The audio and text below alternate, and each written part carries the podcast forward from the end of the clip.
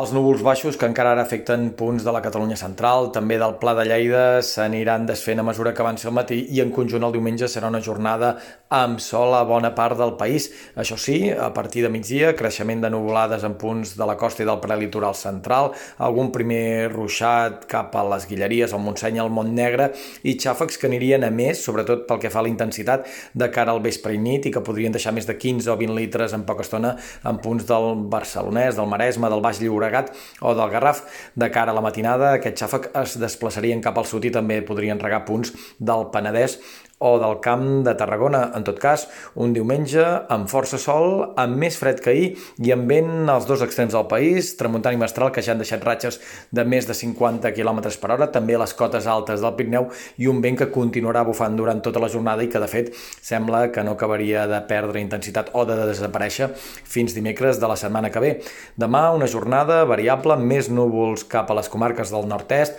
més sol cap a Ponent i al sud, es mantindrà la nevada al vessant nord del Pirineu, demà amb una cota que baixaria fins als 1.200 metres d'altitud